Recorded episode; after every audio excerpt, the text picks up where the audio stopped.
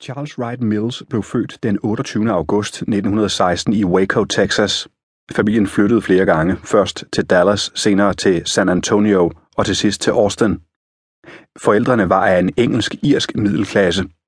Faren var forsikringsmaler i Waco, og moren var hjemmegående husmor. Efter morens ønske blev han katolsk døbt, men han brød med kirken som teenager. Han blev uddannet ved Dallas Technical High School og havde planlagt en karriere som ingeniør.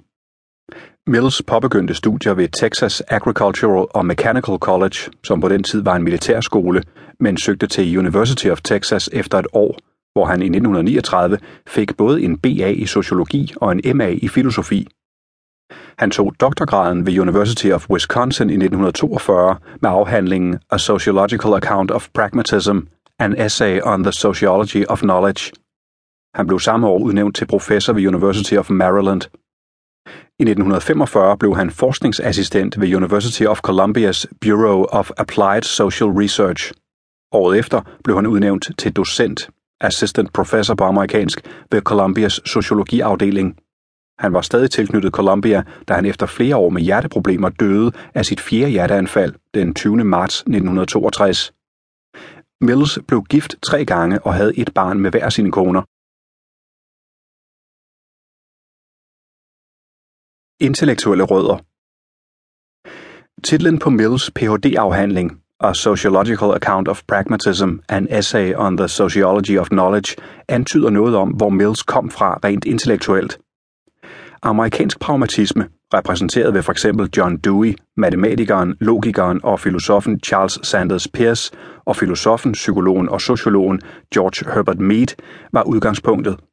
Han omtalte pragmatikere som sine intellektuelle gudfædre – Disse samt videnssociologien hos den ungarsk fødte tyske sociolog Karl Mannheim, fremlagt i bogen Ideology and Utopia i engelsksproglig version fra 1936, var vigtige udgangspunkter, hvilket titlen på Ph.D.-afhandlingen også antydede. Derudover var Mills, som de fleste andre samfundsforskere i 1930'erne, stærkt påvirket af Chicago-skolen i amerikansk sociologi, som fremmede en samfundsforskning, der i høj grad var baseret på feltstudier, kvalitative interviews og livshistorier.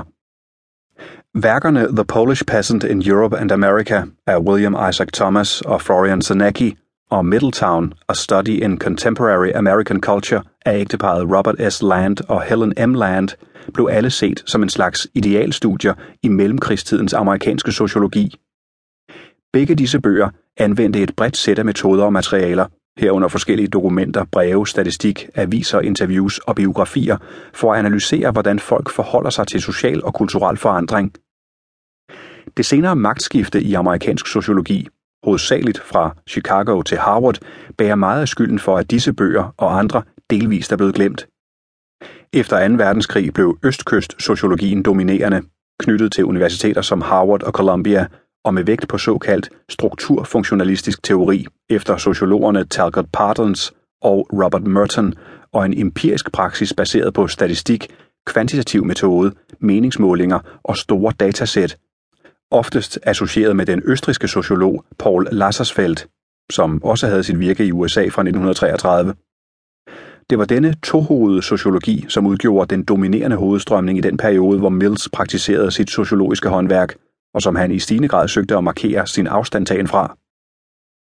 En videre var Mills igennem hele karrieren optaget af en anden halvgenial outsider, nemlig norsk-amerikaneren Thorstein Veblen, som havde kombineret samfundsanalyse med besk kritik og satire. Mills regnede Veblen for at være den bedste samfundsforsker USA havde fostret. En fælles idehistorisk baggrund for de forskellige orienteringer blandt amerikanske sociologer i 1930'erne og 1940'erne var, at de deltog i en slags konkurrence om at være de rette aftagere af de forskellige europæiske traditioner. Ferdinand Tönnies og i endnu højere grad Georg Simmel var vigtige for Chicago-skolen, mens Talcott Parsons med base ved Harvard og med længere ophold i Europa søgte at føre arven fra Emil Durkheim og Max Weber videre. Begge i en bestemt rationel version – Gennem sit samarbejde med Hans Gert, der var tysk sociolog og krigsflygtning, fik Mills en grundig indføring i Weber og i noget mindre grad i Marx.